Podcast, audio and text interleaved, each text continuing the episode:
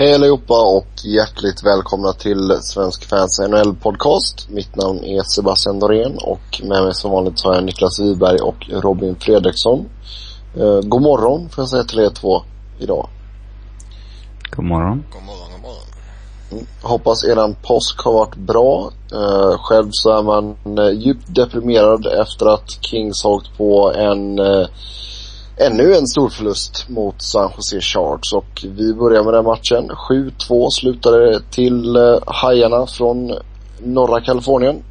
Och eh, efter en eh, pigg inledning av Kings, de ledde med 2-0 och allting såg frid och fröjd ut, så blir det total kollaps och eh, Sharks vänder och vinner behändigt. Så, eh, mm. Inget bra avslutning min söndag. Ja, trevligt att vakna upp till. Eh, det känns väl eh, lite så här spontant att... Yeah. Eh, Så jävla kast alltså. Ja, jag skulle säga spontant känns det lite skoj. Och det menar jag inte bara för att jag tycker illa om dig, utan... Eh, utan det är alltid lite skoj när eh, defensivt jävligt skickliga lag, som man ändå säger att Kings i, egentligen är, när de eh, det bara går helt åt helvete för dem. Mm. Då blev det sex i första matchen och sju nu i natt. Ja. Det är ju lite, eh, lite jobbig inledning på slutspelet när man verkligen måste ha en, eh, en defensiv där man vinner matcher med 2-1 eller 3-2 i princip. Absolut. Sen att så många skott går in på Quicks eh, klubbsida också, det är lite oroväckande faktiskt. Jag har ju inte hunnit se några, jag såg ju inte nattens match och inga highlights eller något sånt här ännu i och med att vi spelar in sjukt tidigt på morgonen här idag. Men vad, kan han lastas för något eller? Ja, det är klart han kan men alltså han- det är inte så att han får jättemycket hjälp direkt heller. Så Alltså Man släpper ju aldrig in, man släpper aldrig in sju otagbara mål. Nej. Absolut inte. Det är sju mål så kan man alltid göra någonting. Mm. Eller borde kunna gjort någonting.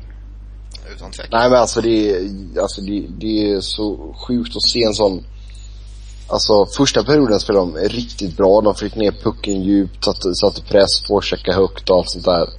Men sen så bara, det var som ett helt annat lag kom ut sen i period två. I, Sen kliver storstjärnorna Mike Brown, Raffi Torres och Justin Braun fram och bara vänder 0-2 till 3-2. Ja exakt. Raff Torres har kört jävligt bra de här två matcherna för Sharks. Han har ju faktiskt varit bra i Sharks sen han kom dit. Mm. Eh, han är, Ja vadå det, alltså, huvudet bara. jo men alltså förutom den, alltså förutom den sidan som Raff Torres har då med fula tacklingar och så här, det är alltså i grunden, det är ju en bra, bra spelare liksom. En jätteeffektiv spelare och jag menar det är en spelare som man verkligen vill ha i ett slutspel. För han är ju, han går igenom väggar för att uh, uh, vinna pucken eller behålla pucken eller göra mål eller få ju iväg pucken eller något sånt där liksom. Nej men det känns som att, det känns som att, eh, som sagt första perioden Kings eh, smällde ju på allt och sådär så jag vet inte om de tog ut sig själva där i första eller vad som hände men Det är lite illa om man är tränare för 20 minuter bara. Ja, ja visst, nej men så, just, det här får inte hända. Det är, jag hoppas de får en rejäl jävla utskällning nu av Sutter. Ehm, så får vi ju se vad som händer i Staples. Alltså överlag så har de ju haft svårt att vinna uppe i San Jose men alltså förlorat två sådana här matcher och det är Alltså första matchen var illa, det var riktigt illa men den här matchen var ju katastrof. Vad, hur har en sån som Mike Richards varit? Har han lyckats, eh, för vi snackade ju lite om honom innan, har han lyckats höja sig och blivit den här slutspels-Richards som man eh, kanske hoppades och trodde lite på? Ja nej han har inte eh, hunnit visa sig än. Gaborik, Osynlig.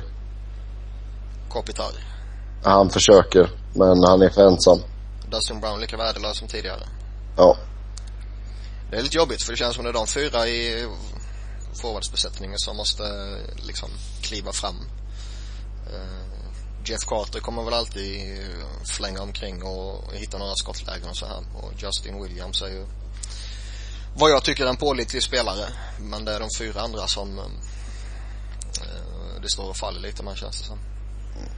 Jo men sen blir det sån, du, du vet ju själv hur det blir liksom. Man tappar en sån här grej och sen så blir alla griniga och så ska man hålla på och gruffa och det, det känner ingenting till.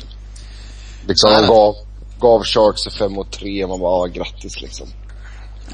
Kollar man på eh, highlights som jag gör nu medan vi pratar så är det ju, eh, det ser ut som att det var Quick som höll kvar Kings i första perioden också. Räddade ju tre frilägen typ. Absolut, han var skitbra i första. Alltså Sharks hade ju mycket fler skott än Kings redan i första perioden även fast de låg under med 2-0. Mm. och, eh, jag menar inget ont om Massin och Lewis men liksom när sådana spelar gör målet i ett slutspel, det är ju oftast lite liksom, lite slump eh, kassa sådär. Eh, ungefär som Mike, Mike Brown liksom. Det är samma sak på hans mål. Eh. Ja, nej, det är inget roligt. Så, um, vad ska man säga? En övertygande 2-0 i matcher för San Jose och får se vad som händer när de åker ner till LA här nu och ska spela i Staples. Uh, vi går över till nästa matchserie där vi hittar Montreal och Tampa Bay. Montreal leder med 3-0 i matcher efter nattens 3-2 vinst och uh, de små dvärgarna från uh, Montreal uh, spelar bra. Mm. Alltså det känns väl, man, Har varit så extremt avgörande det med Bishop.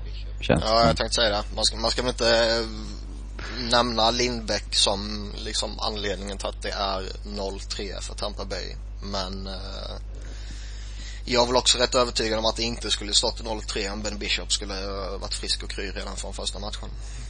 i natt liksom man släpper in en, ja, halvtveksam 1-0 puck efter 11 sekunder.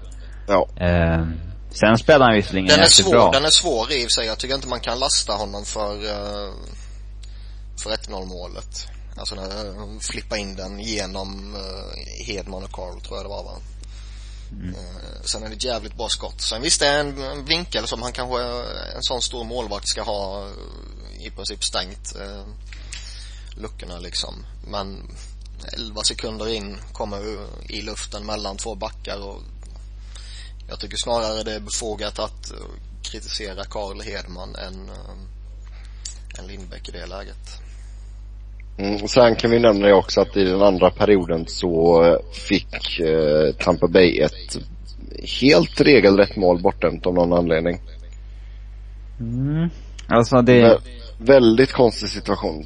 det är väldigt eh, många som reagerade över det här målet att det inte skulle ha blivit bortdömt men enligt vissa så är är det ju enligt, eh, enligt regelboken riktigt bortdömt i alla fall. Eh, för att, jag vet inte, det är ju, det är ju någon sorts kontakt med Carey Price och han har ju aldrig återfått sin riktiga position innan det blir mål. Eh, men det är hans eget fel. Och de säger att Carey Price utnyttjar ju den här regeln bättre än någon målvakt i NHL. Um, Men eh, ja, det känns ju jäkligt larvigt att det ska vara att det ska dömas bort för att Price själv inte liksom eh, ja, försöker ta sig tillbaka efter att han eh, ja, vad blir det? Ta- Tampa-spelare eh, touchar honom när han ska ut från målet bara. Det är ju, det är ju till att spela väldigt högt om det är uh, gjort med mening så att säga. Mhm. Ja, det är. Sen så är det Jag hade, tråkigt jag hade varit, jag hade blivit skogstokig om det hade varit, alltså om, om det hade varit eh, mitt lag då som hade åkt på det här bortdömda målet. För jag tycker det ska vara mål. De får uh, skicka Crombeen eller någon annan sån här snubbe till att göra en Milan Lucic på Carey Price i nästa match. Ja, de är... Det är jäkligt jobbigt för Tampa att eh, direkt efter deras mål är bortdömt så får uh, Stamkos ett knä i huvudet av Alexej Jamelin. Um, ehm, som, ja, direkt när man ser Stamkos, han kan liksom inte resa sig upp, han blir så snurrig och sådär, då han spelar ändå vidare senare. Då, man vet ju att han har ju förmodligen fått någon åtminstone en mindre hjärnskakning. Uh, och Montreal gör mål bara några sekunder efter det också. De har inte fått uh, mycket med sig hittills, Tampa. Överlag så har vi ju i alla de här matcherna haft ytterst tveksamma domarinsatser faktiskt. Det är inte... Mm. Och så har det varit hela säsongen Och jag menar det, det är ju...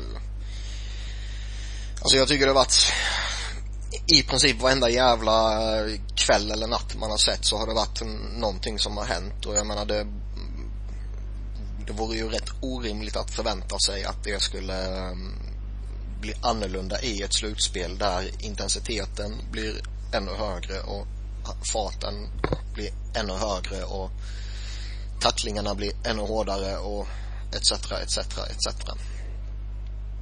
Mm. För jag menar, man, man kommer ju till en, eh, till en nivå där, där spelet helt enkelt eh, vad ska man säga, det går helt enkelt för fort för att eh, eh, domarna ska hinna med hundraprocentigt. Hur många, alltså är det några domare som eh, gallrats bort så att säga när, det, när slutspelet är igång? Ja. För att de alltså, nämnde ju igår att han som, de eh, direkt, som dömde bort målet gick de ut med, med namn och allting där till, det var minst hans, att han var rookie-domare i slutspelet och sådär. Mm. Nej men så är det, jag tror ju de uh, rensar ut efter grundserien eller med uh, en en kort tid kvar av grundserien så att säga. Uh, och har du varit jävligt dålig under grundserien så får du inte döma slutspelet till exempel. Har du varit uh, involverad i många tveksamma situationer så får du inte döma och så här va. Men sen visst, alltså man, någonstans måste man ju fortfarande släppa in även uh, oerfarna domare i slutspelet för att de ska få erfarenhet givetvis. Jo, det är klart. Man kan ju inte bara hålla kvar i de gamla stötarna som har dömt i 25 år och tvingar dem att döma i 10 år till bara för att de andra saknar erfarenhet liksom. Mm. Ja, något annat du vill säga om Montreal Tampa Bay?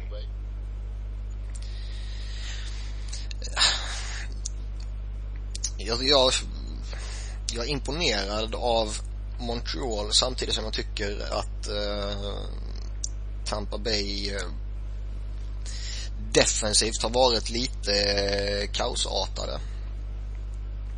Eh, och visst, det är väl kanske inte eh, där man förväntar sig att Tampa ska vara som allra, allra bäst. Om man tittar på eh, uh, vilka deras bästa spelare är och så vidare. Men uh, ja, nej, de, de känns inte helt trygga där. Ja, sen måste det ju vara svårt också för alltså, jag tycker så det, Pallat och Johnson har ju spelat okej. Okay. Men alltså det är ju svårt för två sådana unga killar också att gå in och vara avgörande i ett slutspel. Alla kan ju inte vara McKinnon liksom. Nej, verkligen inte. Och det är väl risken när man har sådana så pass, eh, ja, många, relativt många att eh, unga spelare då som man förväntar sig ska göra någonting. Det, det är ju att eh, Eh, det är enkelt att de faller bort, att de blir lite anonyma när man gör eh, sitt första, sitt andra slutspel. Eh, när man spelar i ett lag som Tampa Bay som eh, det är en sak om du spelar i Chicago eller Boston där du har liksom fem stycken riktigt ärrade veteraner som är liksom ligans bästa spelare i princip allihopa. Mm. Förvånande att René Bork har klivit fram med tre mål såg man inte komma. Den... Eh, Nej, han har ju fina Det trötta fanskapet. Ja. Det är nästan så du ångrar det nu att du inte tradade för honom va? Mm, ja. Ja, Colorado-rykten. Mm. Men, eh, nej. Jag vet inte. Jag tror Montreal har hittat det vinnande konceptet. Ha Douglas Murray på läktaren. ja. Nej men jag, alltså man såg ju vissa sekvenser, alltså, tempot var ju riktigt högt i den här matchen mellan de här två. Och där alltså sätta in Murray där, det hade ju blivit pannkaka. Det är självmord Ja, vi, eh, hoppar över till nästa serie. Boston, Detroit. Detroit eh, vann ju lite eh, oväntat den första matchen med 1-0 efter eh, Datsuks fina prestation och i nattens match så tog Boston revansch och det blev 4-1. Och det var väl det Boston som vi var vana att se som dominerade den här matchen. Nu, jag såg tyvärr inte första matchen men eh, den igår här så var det ju extremt tydligt att Boston fick med sig Detroit in i sitt sätt att eh, lira hockey. Alltså det var det var ju en matchserie som där man kände att fan de här har ju en rivalitet som har byggts upp under flera års tid. Eh, och det känns ju inte allt som en, en matchserie där som där lagen inte har mött varandra på 57 år eller vad det nu var. Mm. Eh, så det, det, var ju grinigt och det var jävligt och Boston letade ju alla sätt att uh, få Detroit frustrerad och allt sånt här. Och jag menar, faller man in i den fällan med, med Boston att man måste spela en, en jävligt krävande och hårt fysisk match mot dem så då är det jävligt svårt att stå emot dem eftersom de har uh, i princip 12 forwards och uh, sex backar som alla hanterar det spelet perfekt.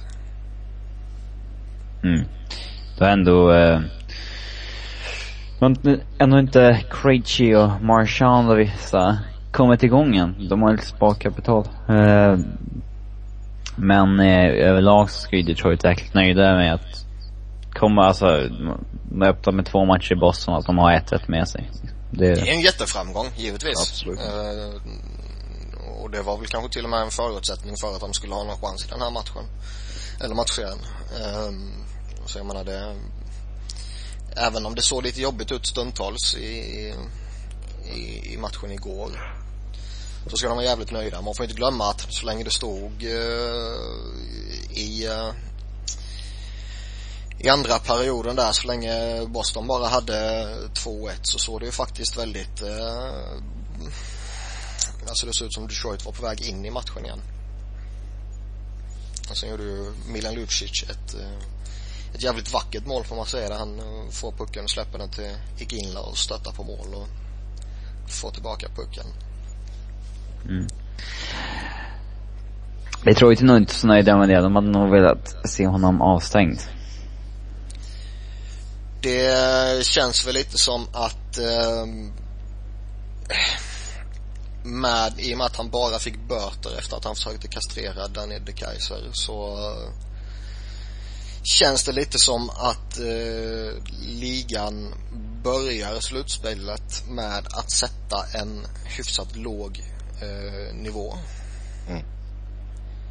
Eh, alltså jag menar ju inte att Lucci ska få fem matcher eller något sånt där för det här, men... Eh, ska i alla fall vara kännbart. Det har vi ingenting.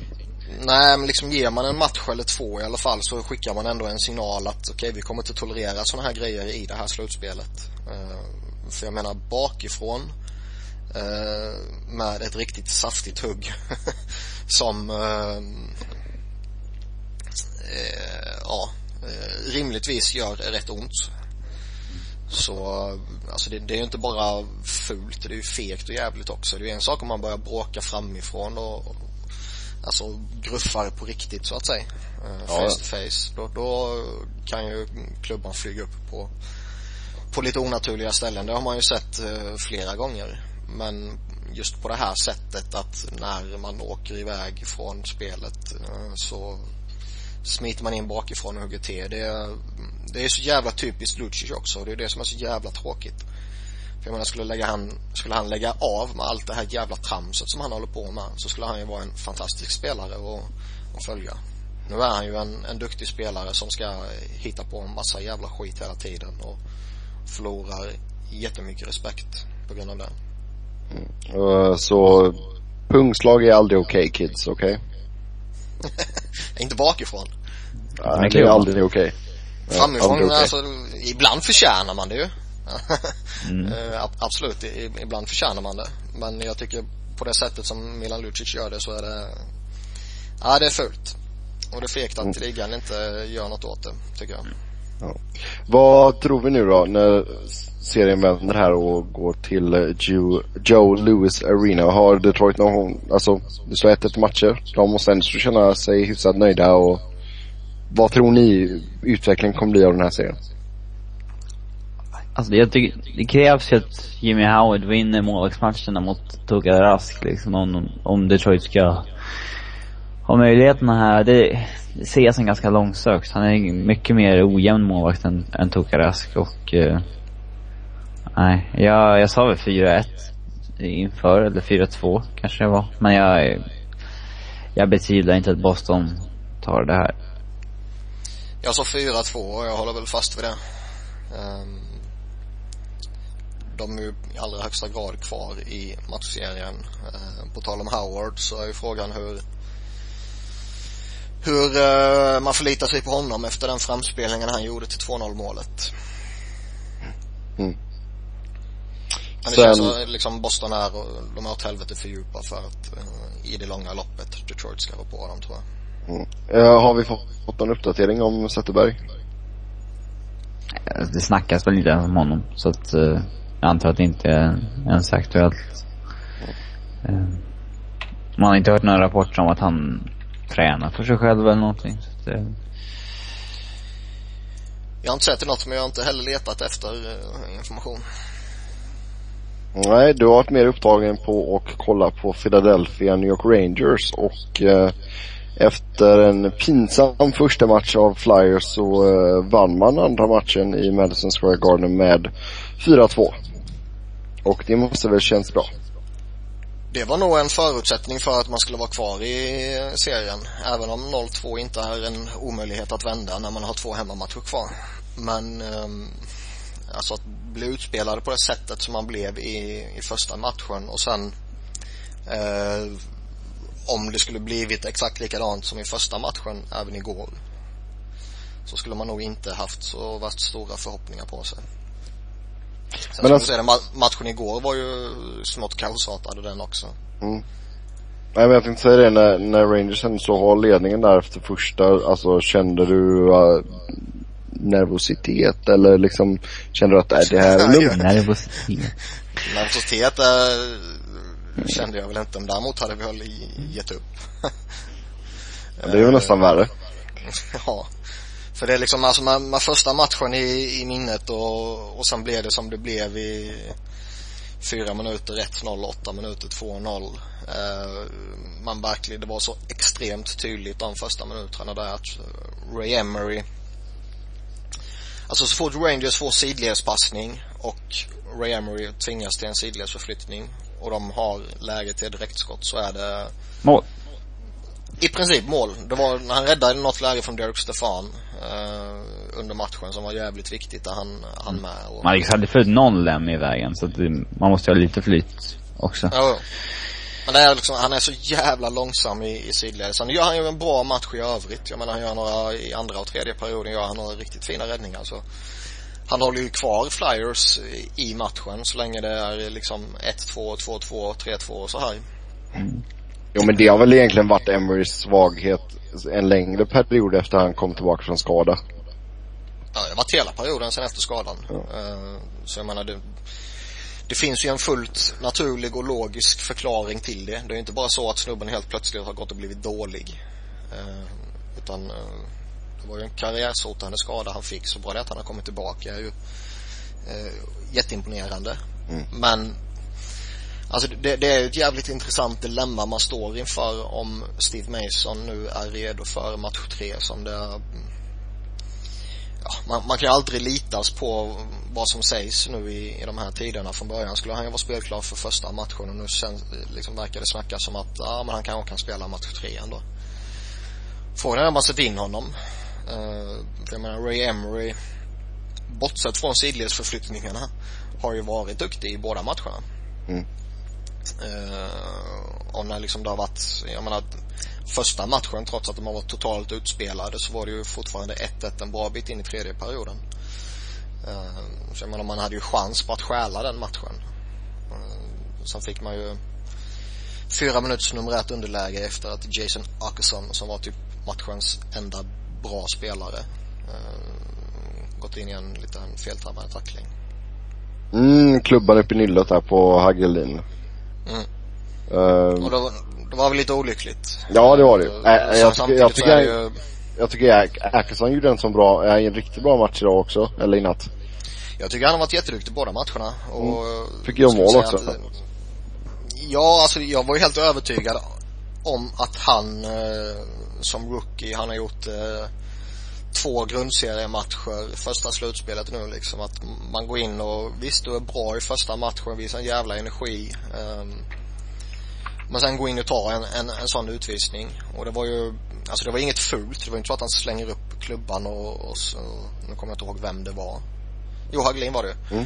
Det sa du ju till och med. Ehm, som där, där känns det väl mer som att det, det är liksom en, en tackling där han är lite för het och lite för eh, okontrollerad. Eh, och där klubban flyger upp.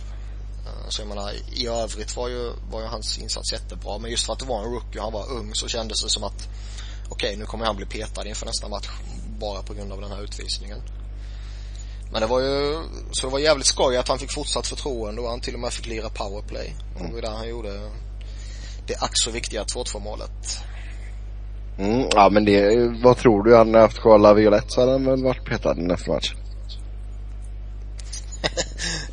Och lite så känns det. Mm. Eh, Craig Brewer var ju lite likadan liksom i början där att eh, de här lite större namnen kunde göra många misstag och, och vara hur dåliga som helst men eh, det var liksom ingen accountability hos dem. Och det var ju på den tiden Flyers var riktigt, riktigt dåliga i början på säsongen då.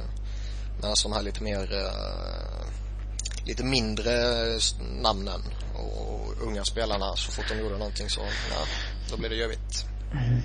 Många har ju glömt att Berube coachade i början på säsongen typ. När de nämner Berube som eh, Jack Adams vinner. De, just, de snackade ju som att han skulle kommit in efter tio matcher när det såg förjäkligt ut. Istället, han kom in efter tre matcher. Det är i stort sett han som har coachat hela säsongen. Ja, absolut.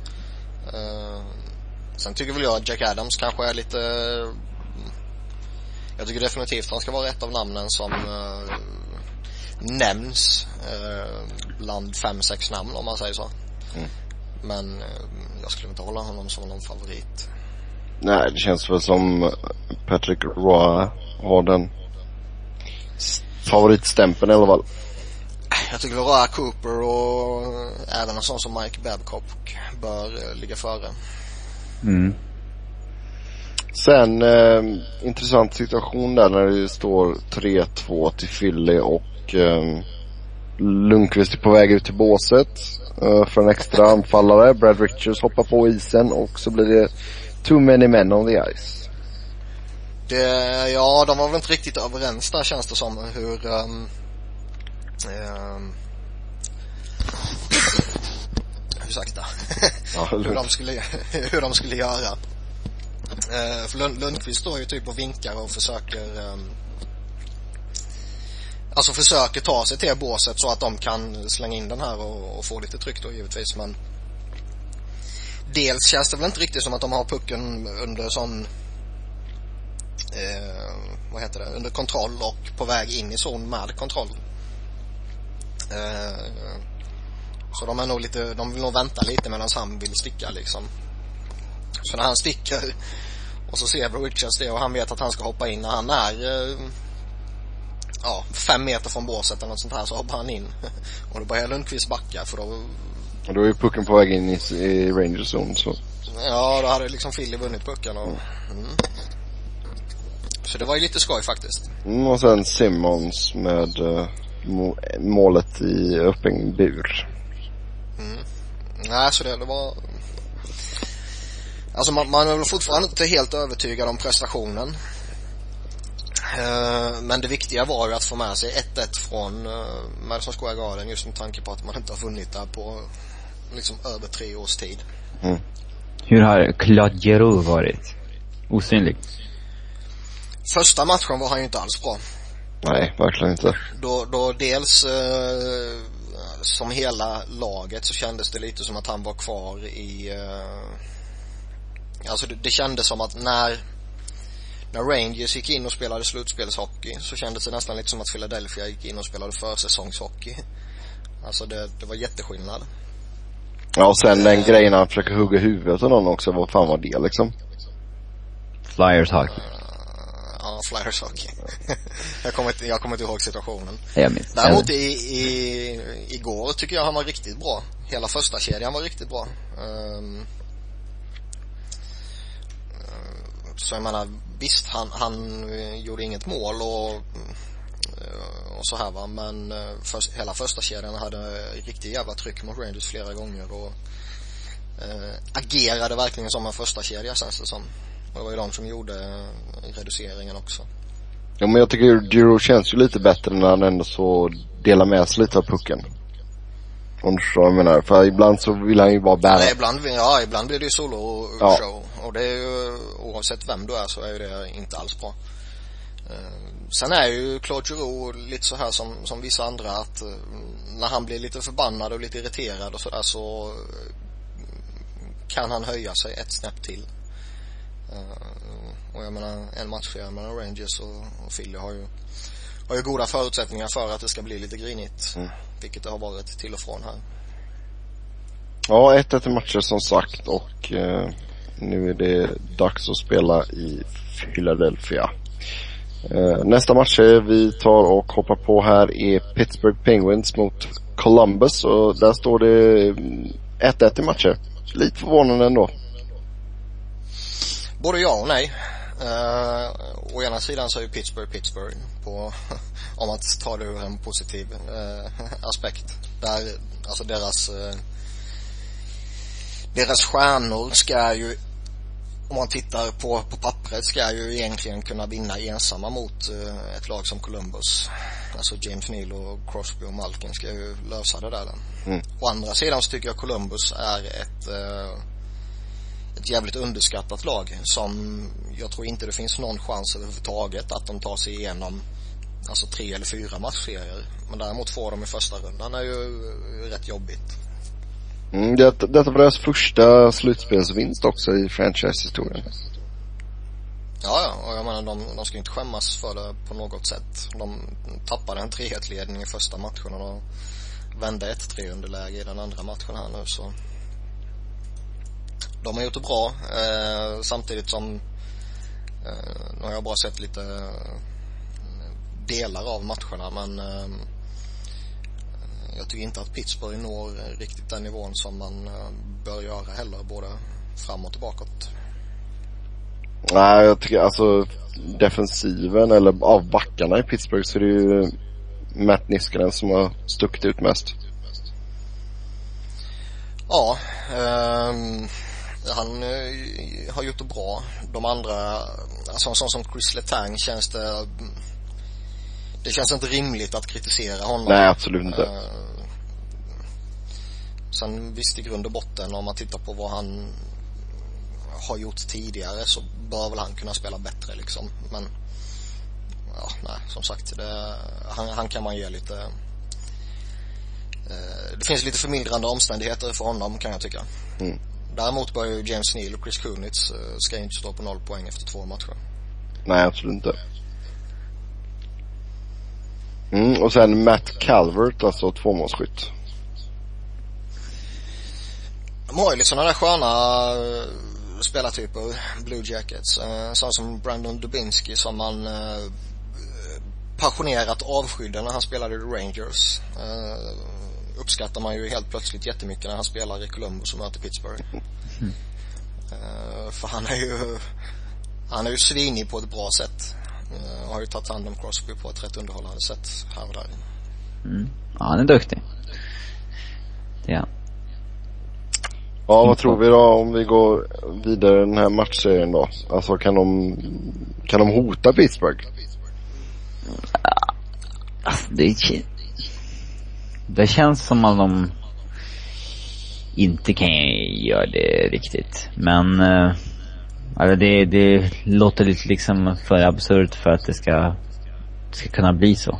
Eh, men, eh, 1-1 efter matcherna i, i Pittsburgh är ju, ja, man inte kunnat förvänta sig bättre. Jag eh, har väl för mig att jag sa att typ de eh, enskilda matcherna skulle vara jättetajta men att Pittsburgh skulle vinna med 4-1. Eh, och det känns väl som något jag står kvar vid. Möjligtvis att det blir 4-2 nu när de tog en av matcherna här i Pittsburgh. Mm. Ja, vi hoppar vidare och eh, Anaheim med Dallas. Det har varit två på pappret jämna matcher. Men Anaheim leder med 2-0 matcher. Eh, väldigt mycket orange i eh, Honda Center. Ja, en skön hyllning till Philadelphia. Alltså det är så fult. Nej, det är jättevackert. Nej, det är så nej, fult. Alltså jag kan förstå om man kör en, nej, nej. jag kan förstå om man kör en whiteout eller någonting eller en blackout eller vad, men inte orange. Nej, det är så jävla vackert. Däremot tycker jag det är lite, och det är samma med Lakers när de spelade liksom att man att man inte har färgen som är den dominerande färgen i sitt, uh, sin dräkt liksom. Mm. Uh, det känns lite udda. Ja, de har ju lite orangea detaljer och sådär på tröjan. Ja, de har, ja, det är ju så både för Anaheim och, och Lakers. Så det, det är väl en av få jämförelser man kan göra mellan de två lagen. Alltså, Men, La Lakers har ingen Ryan Getzlaff? Nej, de har Robert Rosén. Okej. Okay. uh, men just när man tittar på det där liksom, nej fan, jag, varför ska man ta en annan färg för? Nej, jag vet Det fattar jag inte. Håll dig till de jävla färgerna du bestämt att din tröja ska ha för fan. Mm.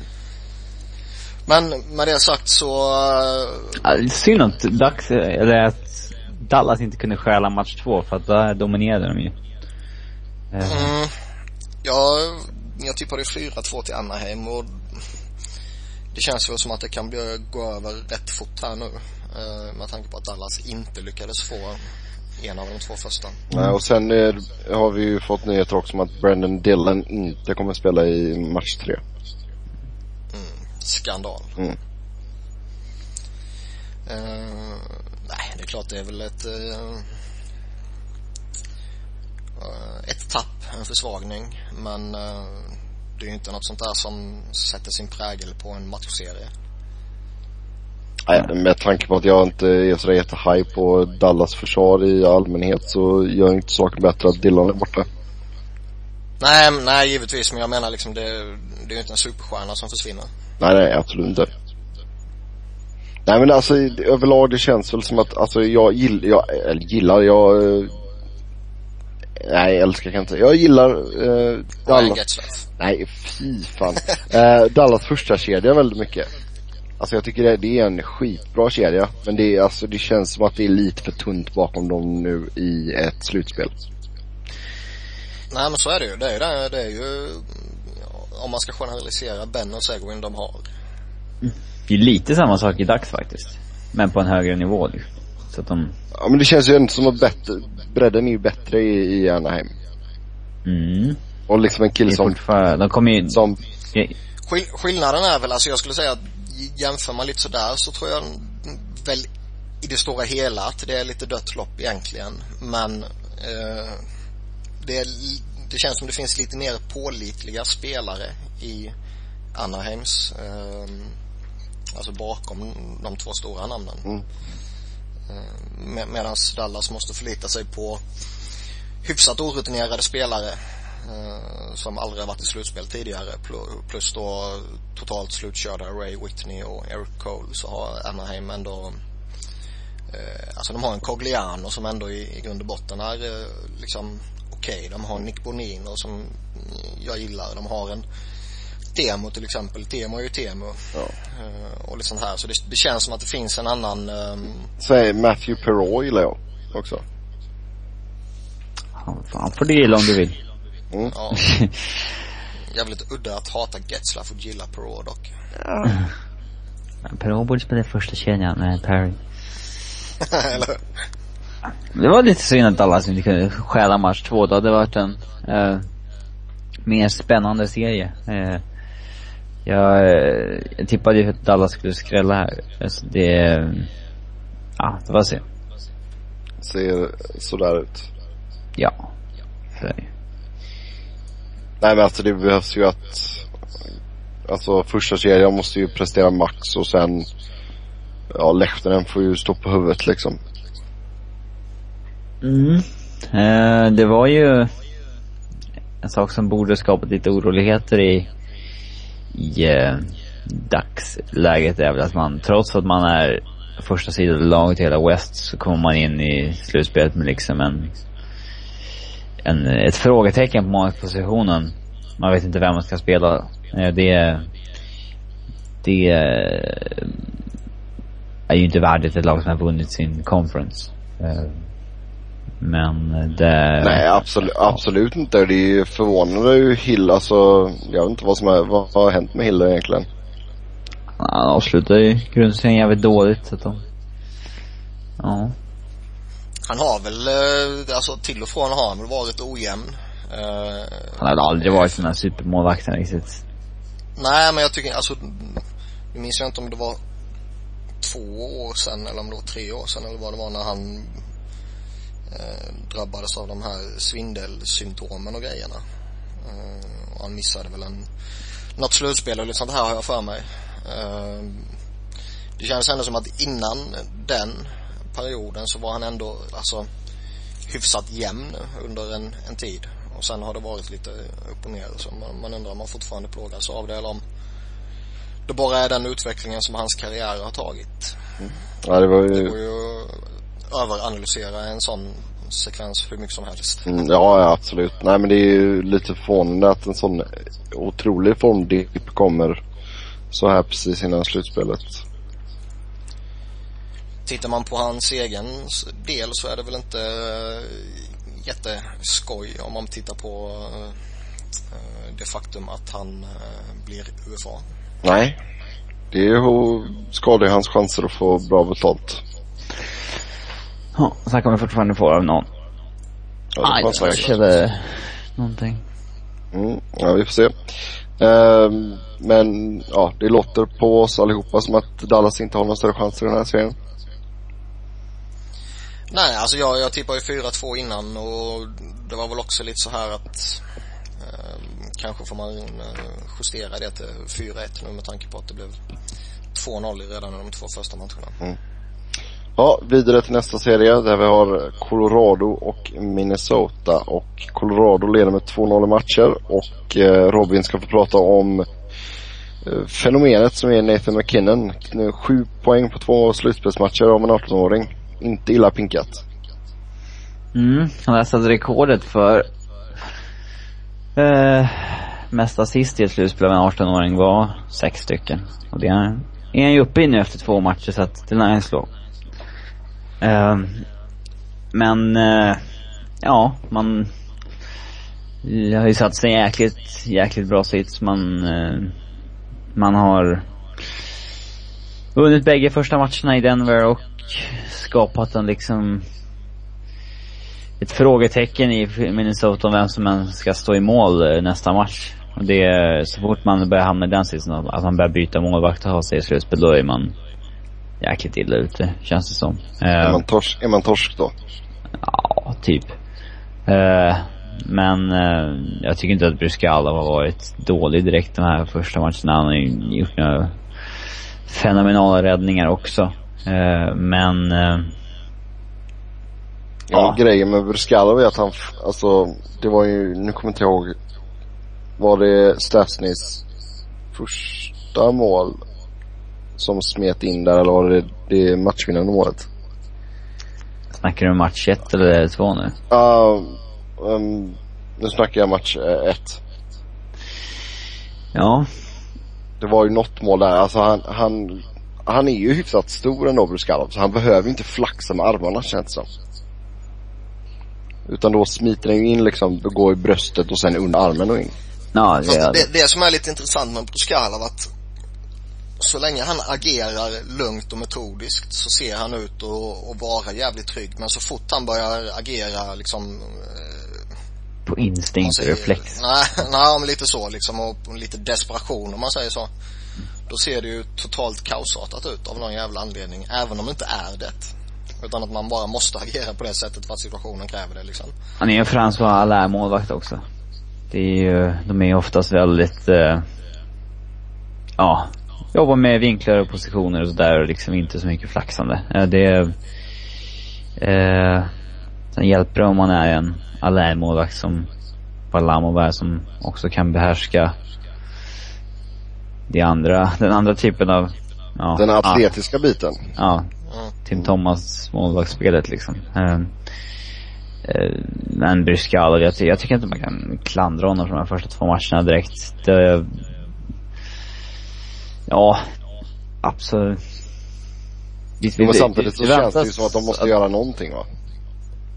Ja, vad fan. Ja, det snackas ju om att Darcy Kympe kommer starta matchen i, i natt då. Eh, får se hur det, hur det går. Men eh, det finns ju lite exempel på där det liksom det har eh, fungerat perfekt att byta målvakter under ett slutspel och så här och liksom. Det typ Cam Ward nu igen? Men jag menar det finns det, Philadelphia gjorde det när de gick till final 2010. Mm. Sen visst kan, man kan ju argumentera för att det är skillnad på peta eller en skada. För Flyers del var det ju både och då ju. Men, um,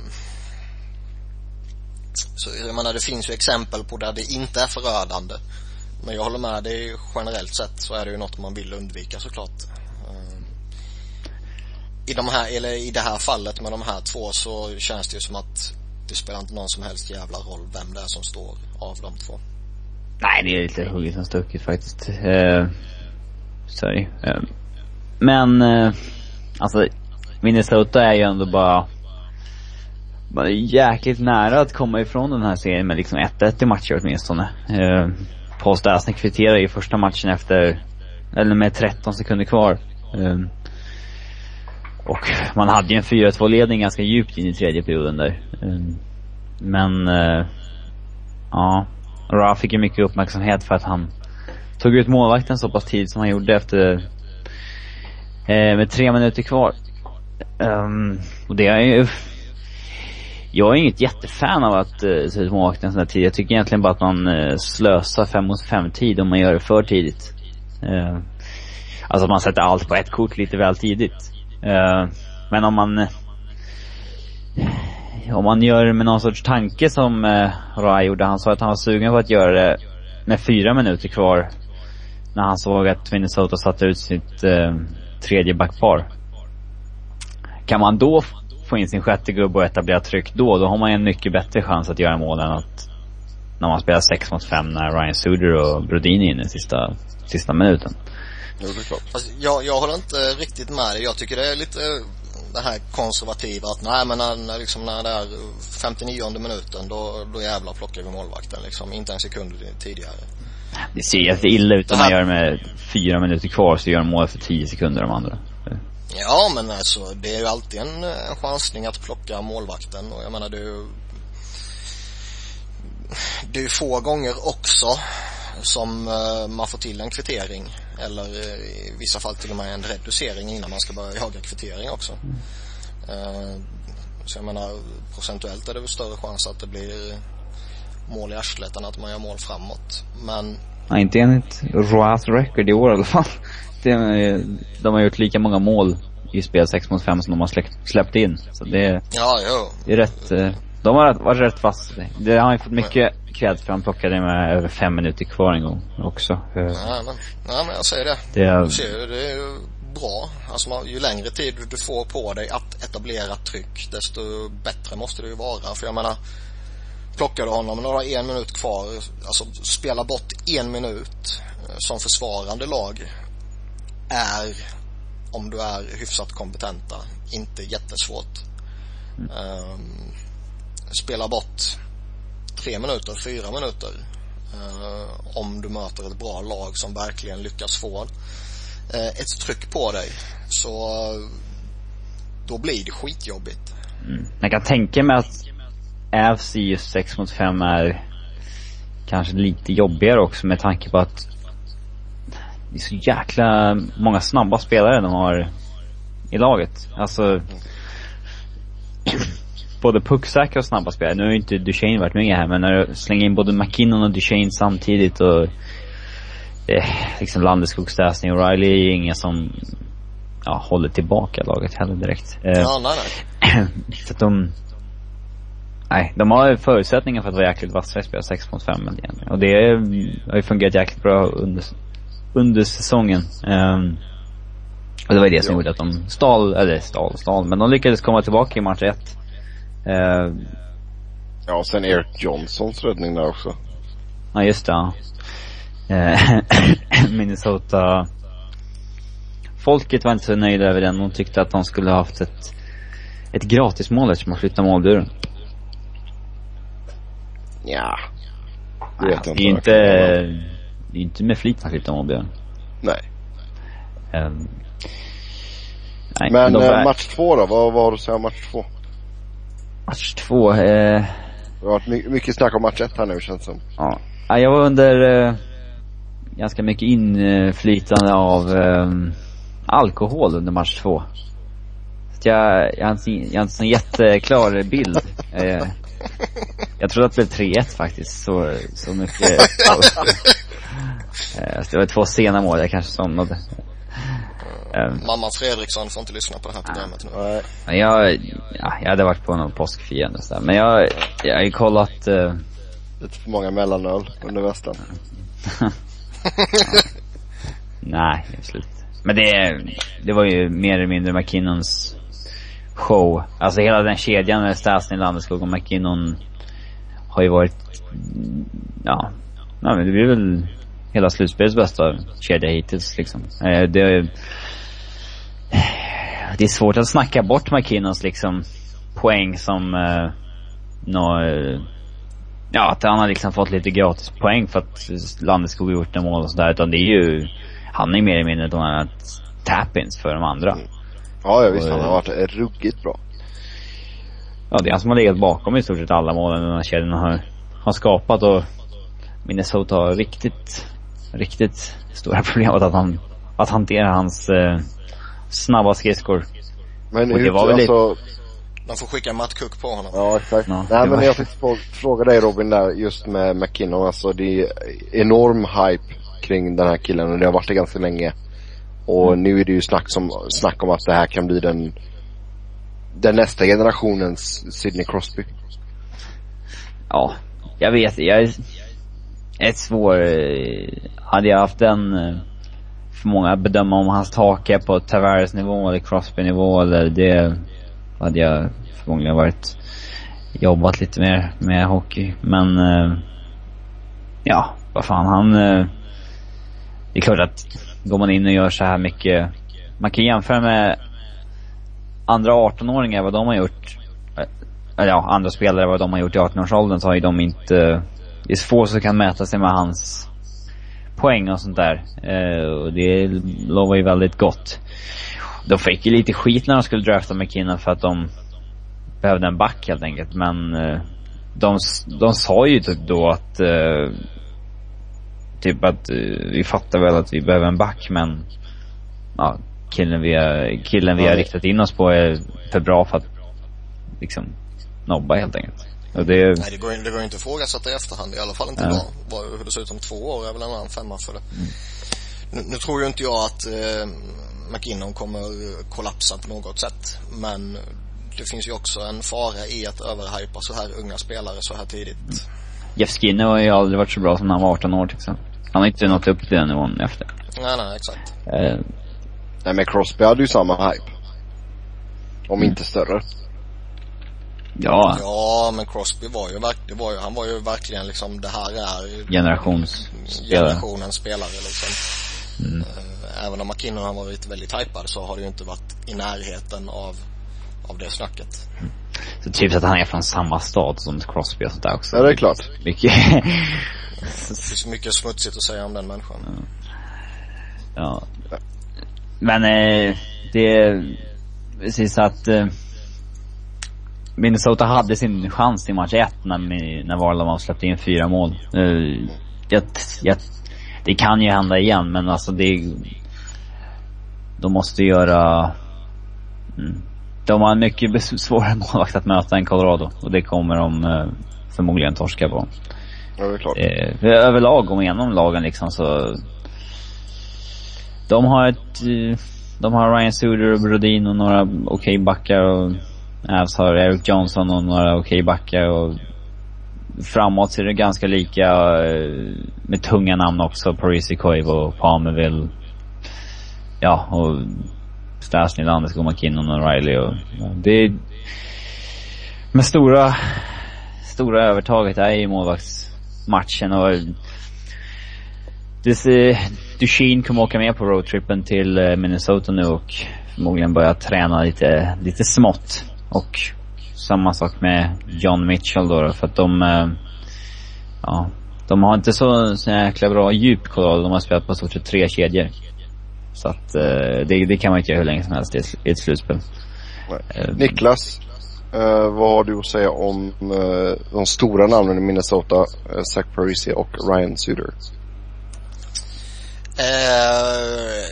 de har väl inte varit dåliga på det sättet. Jag menar Suter spelar ju bara 29,5 minut. Jag tror nästan han skulle varit uppe på 35. Mm. Um, Kanske får se nästa match nu när de är lite desperata. Ja, ja hans istid kommer väl öka mer och mer känns det som.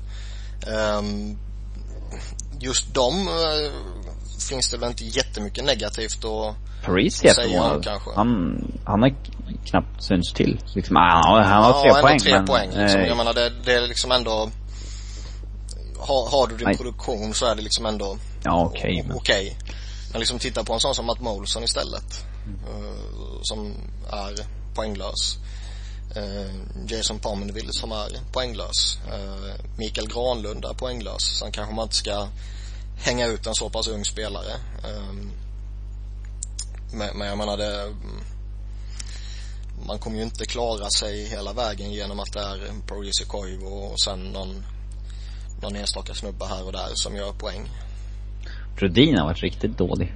Alltså han har inte riktigt tänkt med. Eh. Paramots knäckte honom. Ja. Vet. Men det är alltså, Parisi tycker jag inte riktigt har gått att, uh, att känna igen från vissa slutspel man såg honom i med, med Devils. Det var, var väl lite samma sak i fjol med, med Wild i slutspelet, att han inte riktigt mm. var den slutspelsspelaren man var van att se. Uh. Men som sagt, han har ändå gjort sina poäng så där, då, liksom, det, det, det kompenserar en del. Uh, samma sak med Kokoivo också, tre poäng liksom. Um, det ska bli intressant däremot om det i tredje matchen uh, börjar gå lite emot Minnesota. Colorado går upp till 2-0 ledning, 3-1 ledning, något sånt här. Uh, är det den gamle gode Matt Cook vi kommer att få se då? Han uh, har ju faktiskt något citat ute som florerar runt. Uh, vad var det de I'm gonna go bananas. Nej, de sa väl eh, någonting om att de måste försöka slow down McKinnon. Eh, och så då sa han väl eh, någon, ja, någonting, jag vet inte vad det var för fråga han fick eller någonting men eh, och sa någonting om att han ledde laget med 12 tacklingar och man kanske ska försöka använda sig av den metoden för att slow down McKinnon. Och då eh, sa han väl, if that's the way the coach goes, I'll be ready. Så snart kommer McKinnon ha en eh, hälsena mindre. Skuren hälsena, ja. ja. Jag måste komma ikapp honom först. Det tror jag inte han, han klarar av. Kommer han ikapp Erik Karlsson så ska han nog hitta någon situation där han eh, kan nagla fast McKinnon vid sargen och sen fullt medvetet slicea sönder hans hälsena. Mm. Ja. Hoppas att uh, McKinnon har de här strumporna på sig som det inte går att skära igenom. Ja, exakt. Ja, skära sönder vaden eller något sånt istället eller Ja, du kan i alla fall räkna bort uh, Nathan McKinnon från resten av slutspelet. Mm. Kraftigt övertag Colorado i alla fall när serien vänder till uh, St. Paul, Minnesota. Mm. Uh, det är 4-0. Det känns mycket väl som att det kan bli 4-0 faktiskt. Uh, Sen sista serien så har vi St. Louis Blues och Chicago Blackhawks. En väldigt upphypad serie som har uh, levt upp till förväntningarna så här långt med uh, två stycken övertidsmatcher. Första matchen gick ju hela vägen till tredje övertidsperioden. Den blev i och för sig inte särskilt lång innan Sten avgjorde men eh, 4-3 blev det den matchen och eh, sen i match två så blev det bara en övertidsperiod och eh, 4-3 i den matchen. Det har ju varit jävligt små marginaler. Jag menar det kunde lika gärna varit 2-0 Chicago. Um, men jag tycker väl inte riktigt att Chicago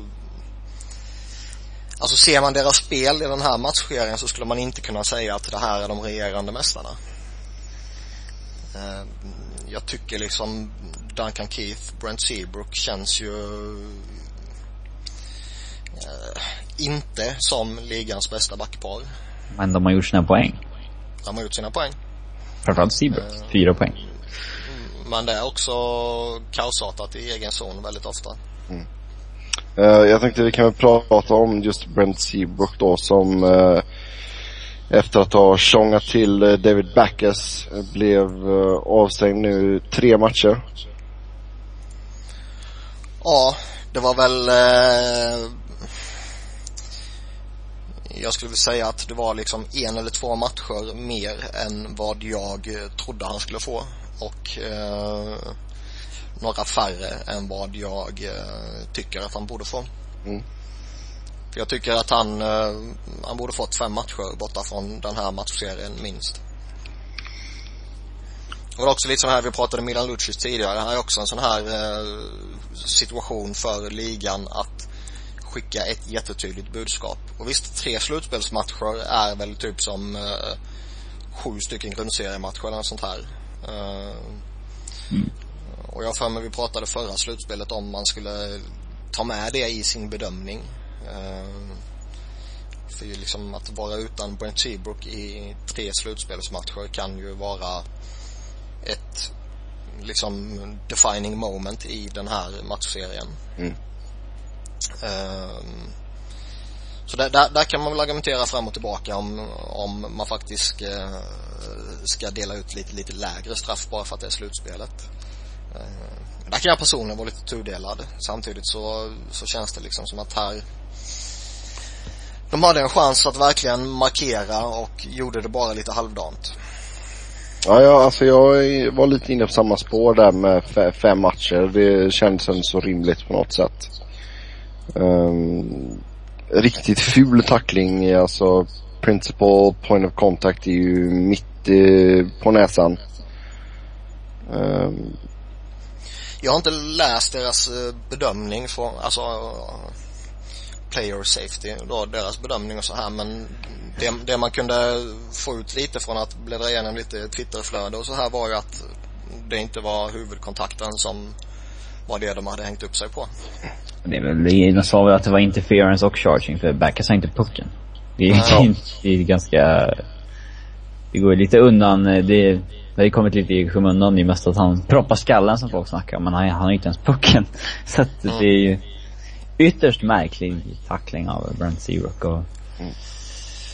Sköna bilder på Seabrook också efteråt när han står och hånflinar nästan. Mm. Och sen... Duncan eh, Keith åker fram och säger wakey wakey Backus. ja, Backus var ju riktigt förbannad efter det och ville ju gärna gruffa men det gick inte så bra med tanke på att han var rejält groggy. Ja, nej, han ska nog lämna det till någon annan. Ja. Men om vi går tillbaka till själva matcherna då och lämnar det här åt sidan. Så, eh, alltså behöver Chicago-fansen vara oroliga? Ja, nu måste de vinna, måste de gå 4-1 i den här serien för att vinna den. Eh, för som mest torska en match till. Det är, det gör man inte på beställning mot Blues. Speciellt inte utan en Brent Seabrook. Tre matcher och jag vet inte, de slänger väl inte in David Rundblad över Duncan Keith men det, någon ska ju in. Det, de har inte så jäkla bra djup. Det är liksom Brookbank eller Rundblad som ska in typ. lite olika spelartyper känns det som. Mm. Eh, det är klart de ska vara oroliga. Även, även om 0-2 för Chicagos del oavsett motstånd inte är någon omöjlighet att vända. Eh, så är det klart att eh, det finns mer eller mindre svåra motståndare och jag är lite imponerad av Blues för man vet ju att de är jävligt skickliga. Man vet att de är jobbiga att möta de var ett av stora favoriterna på förhand. Men de hade ändå rätt många frågetecken. Det var lite skadekänningar här och där. Det var några som var borta och det var lite så här så ehm, men med tanke på allt snack som gick kring dem på förhand så måste jag säga att jag är imponerad av dem. Ja, alltså de gick ju riktigt dåligt där i slutet av grundserien och så som du sa det, man hade ett helt gäng med spelare borta och sådär så det är klart att det det är imponerande att de har fått tillbaka gubbarna nu och maskineriet har tryckat igång igen. Och sen får de viktiga mål från uh, lite rollspelare. Uh, så det är inte bara David Backes och eh, Pedro Langelo och uh, TG Oshie och Tarasenko och så här som måste leverera. Utan det är lite inom situationstecken nobodies som har gjort mål också. Mm. Alexander Sten. Um, ja, jävla sopa. Nej, han har haft en bra säsong. Uh, kommer Berglund vara tillbaka snart? Jag läste något om att han närmar sig i alla fall. Uh, om det innebär match tre eller match fem, det vet jag inte hur, hur pass nära det är. Uh, sen samtidigt känns det väl som att det stora orostecknet är givetvis David Backes. Mm. Ja, fort, fortfarande Där, inget besked. Nej, det senaste jag läste var att eh, det inte finns något besked att lämna. eh, och de kommer väl inte säga någonting om honom eh, egentligen. Så, alltså så är det ju med med alla skadeuppdateringar nu rörande stora spelare att man säger så lite som möjligt. Mm. Däremot känns det väl som att eh, sannolikheten för att han missar nästa match är väl större än sannolikheten att han är tillbaka i nästa match. Lite, lite ja, alltså det, är inte jättekul när spelare ska hetsas tillbaka med, med huvudskador så att säga. Nej, absolut det, det vill man egentligen inte se. Man eh, kan tycka att det är lite charmigt när de spelar, spelar sig igenom skador på andra eh, kroppsdelar så att säga, men hjärnskakningarna bör man ta på, på allvar oavsett hur viktig matchen är. Mm. Ja, jag menar Danny DeKaiser spelar med en pungkula nu. Mm. Så props till honom. Nej, skämt Joel, Joel Quenville visade väldigt tydligt vad ja. han tycker om Danny DeKaiser. fick han fem gånger mer i böter än vad Lucic fick för själva... Ja, det är ju galet jävla regelverk. Mm. Uh, innan vi pratar om Quenville så uh, tänkte jag bara... Nej, jag vill prata om hans kula nu. Ja, men du ska få göra det alldeles, alldeles strax. um, men det känns ju som att match tre här nu blir helt avgörande. Alltså, går Blues och vinner den då, då är det ju kört. Ja, det tror jag nog. Att, uh, svårt att se att det, trots att det gick som det gick mot slutet av grundserien så har jag svårt att se att Blues uh, torskar uh, fyra raka.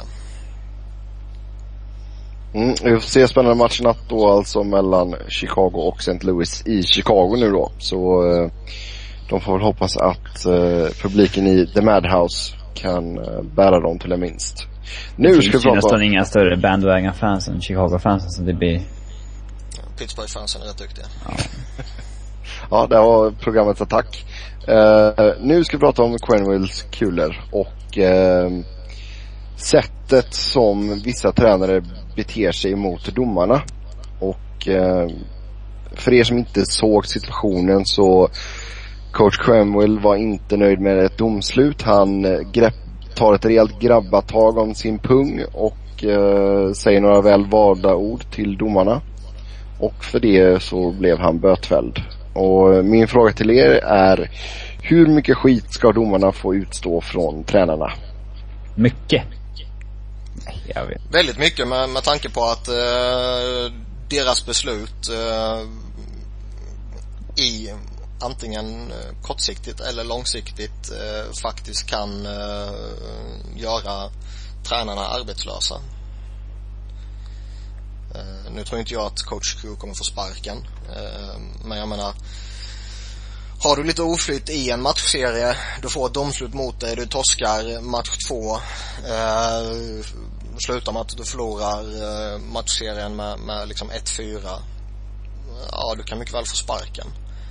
Alltså kolla Boston, Claude Julian för några år sedan. Nu kommer jag inte ihåg vilka de mötte men jag har ett svagt minne att det var Montreal kanske. I första rundan i ett slutspel. Uh, där de var liksom riktigt illa ute och på väg att åka ut redan i första rundan. Uh, och sen lyckades de vända det och sen var det väl året de gick och vann till och med. Uh, och det var liksom sagt efteråt att skulle de ha torskat mot mot Canadiens där så skulle han säkerligen fått sparken. Mm. Eh, så, jag, så jag menar det, det, det är ju sådana här saker som kan avgöra. Nu, nu, får man väl inte sparken om du förlorar i en första runda mot St. Louis Blues liksom. Uh, och jag tror de är jävligt nöjda med det jobbet han har gjort med tanke på att de har två titlar.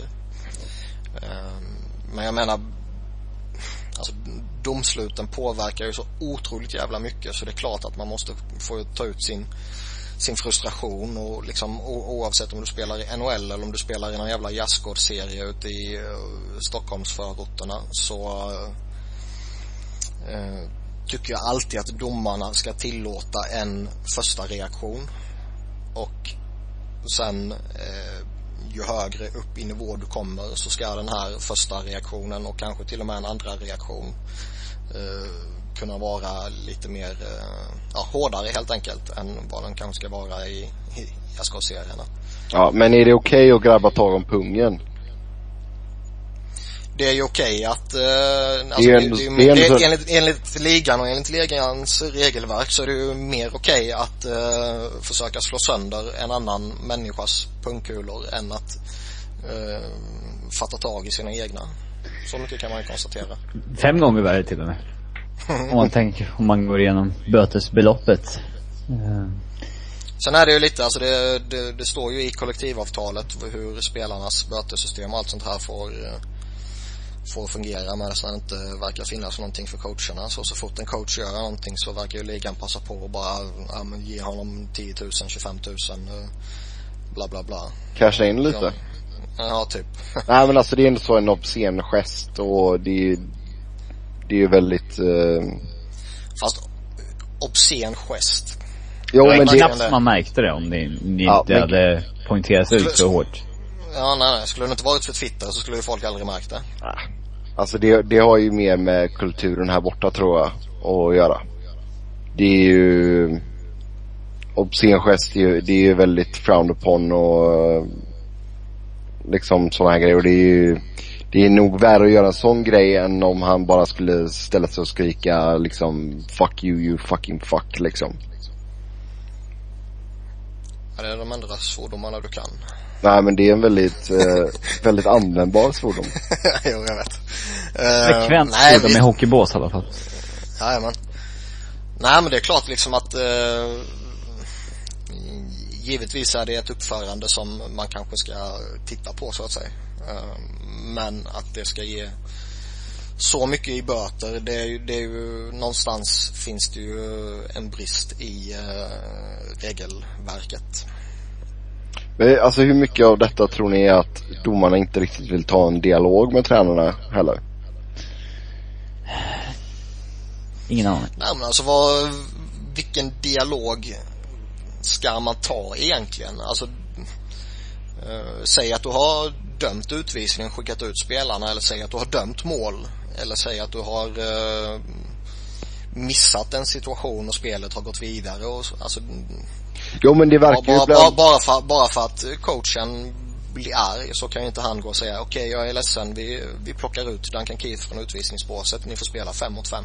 Nej nej absolut inte. Jag, jag men... gjorde fel, ledsen. Det är bara liksom, ja jag tar ut din frustration och Sen ler jag och sen åker jag vidare och så spelar vi klart liksom. Jo men det känns ju ibland Eller ge en, för, ge en förklaring till varför liksom Nej men jag, jag uppfattade det som så här och då gjorde jag på det här sättet.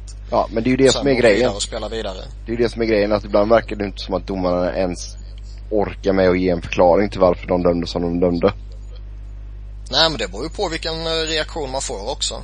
Alltså får du en, en coach som bara skäller ut dig och och påpekar hur jävla värdelös du är och att uh, du är blind som inte såg det eller uh, att du är totalt jävla inkompetent som trodde att du såg det här. Alltså Har domaren ja. makt som i fotboll att skicka upp någon på läktaren? väldigt bra fråga. Det hade varit coolt. Det har varit riktigt coolt. Skulle jag se någon skicka upp Tortorella på läktaren eller sådär? Jag kan inte eh, minnas någon sån situation. Alltså det, det är ju väldigt sällan man ser en, en coach uh, bli totalt jävla skogstokig. Uh, men jag menar vi hade ju någon Patrick Roy stod väl och dunkade på, på plexit i början på säsongen. Dunka, han försökte välta ner hela skiten. Ja, vi hade, vi hade ju bråket mellan Pittsburgh och Philadelphia för, för två år sedan där Laviolette var på väg in i deras bås för att buckla på Dan Bylsma typ liksom. Uh, så jag menar, uh, det har ju varit lite sånt som har hänt utan att uh, det är någon som har blivit ivägskickad. Så det, nej, man kanske inte får. Jag vet faktiskt inte. Uh, Go fucking google lite Robin. Ja exakt. Tortorella försöker ju ta, till och med ta sig in i motspelarnas omklädningsrum för att slåss liksom. Ja men det var ju, det var ju ändå utanför uh, själva spelet om man säger så. Jo, men han fick ändå komma tillbaka och coacha resten av matchen. Ja, jo, jo absolut, absolut. Ja, nej, så an, an, vi får väl nästan anta att de inte har den makten då. Ja, lite så känns det. Vi gör det till Robins uppgift att uh, ta reda på det helt enkelt. Ja, till nästa vecka så har Robin kollat upp detta och uh, med det så tackar vi för oss. Uh, förlåt om ni är känsliga lyssnare och ni har fått höra alla svordomarna idag, men så är det ibland. Som vanligt så vill ni köra hockey med oss så går det bra att göra det via Twitter. Mig hittar ni på Noren, Niklas på Niklas Niklas med C och enkel V och Robin på R underscore Fredriksson. Och Robin har ju en hel del att tweeta om Liverpool också om ni gillar dem. Uh, men som sagt, kom gärna med kommentarer och sånt i kommentarsfältet. Uh, ladda ner oss via iTunes och ge oss gärna lite bra stjärnor om ni gillar programmet. Uh, så hörs vi igen nästa vecka. Ha det gött. Hej. Hej hej.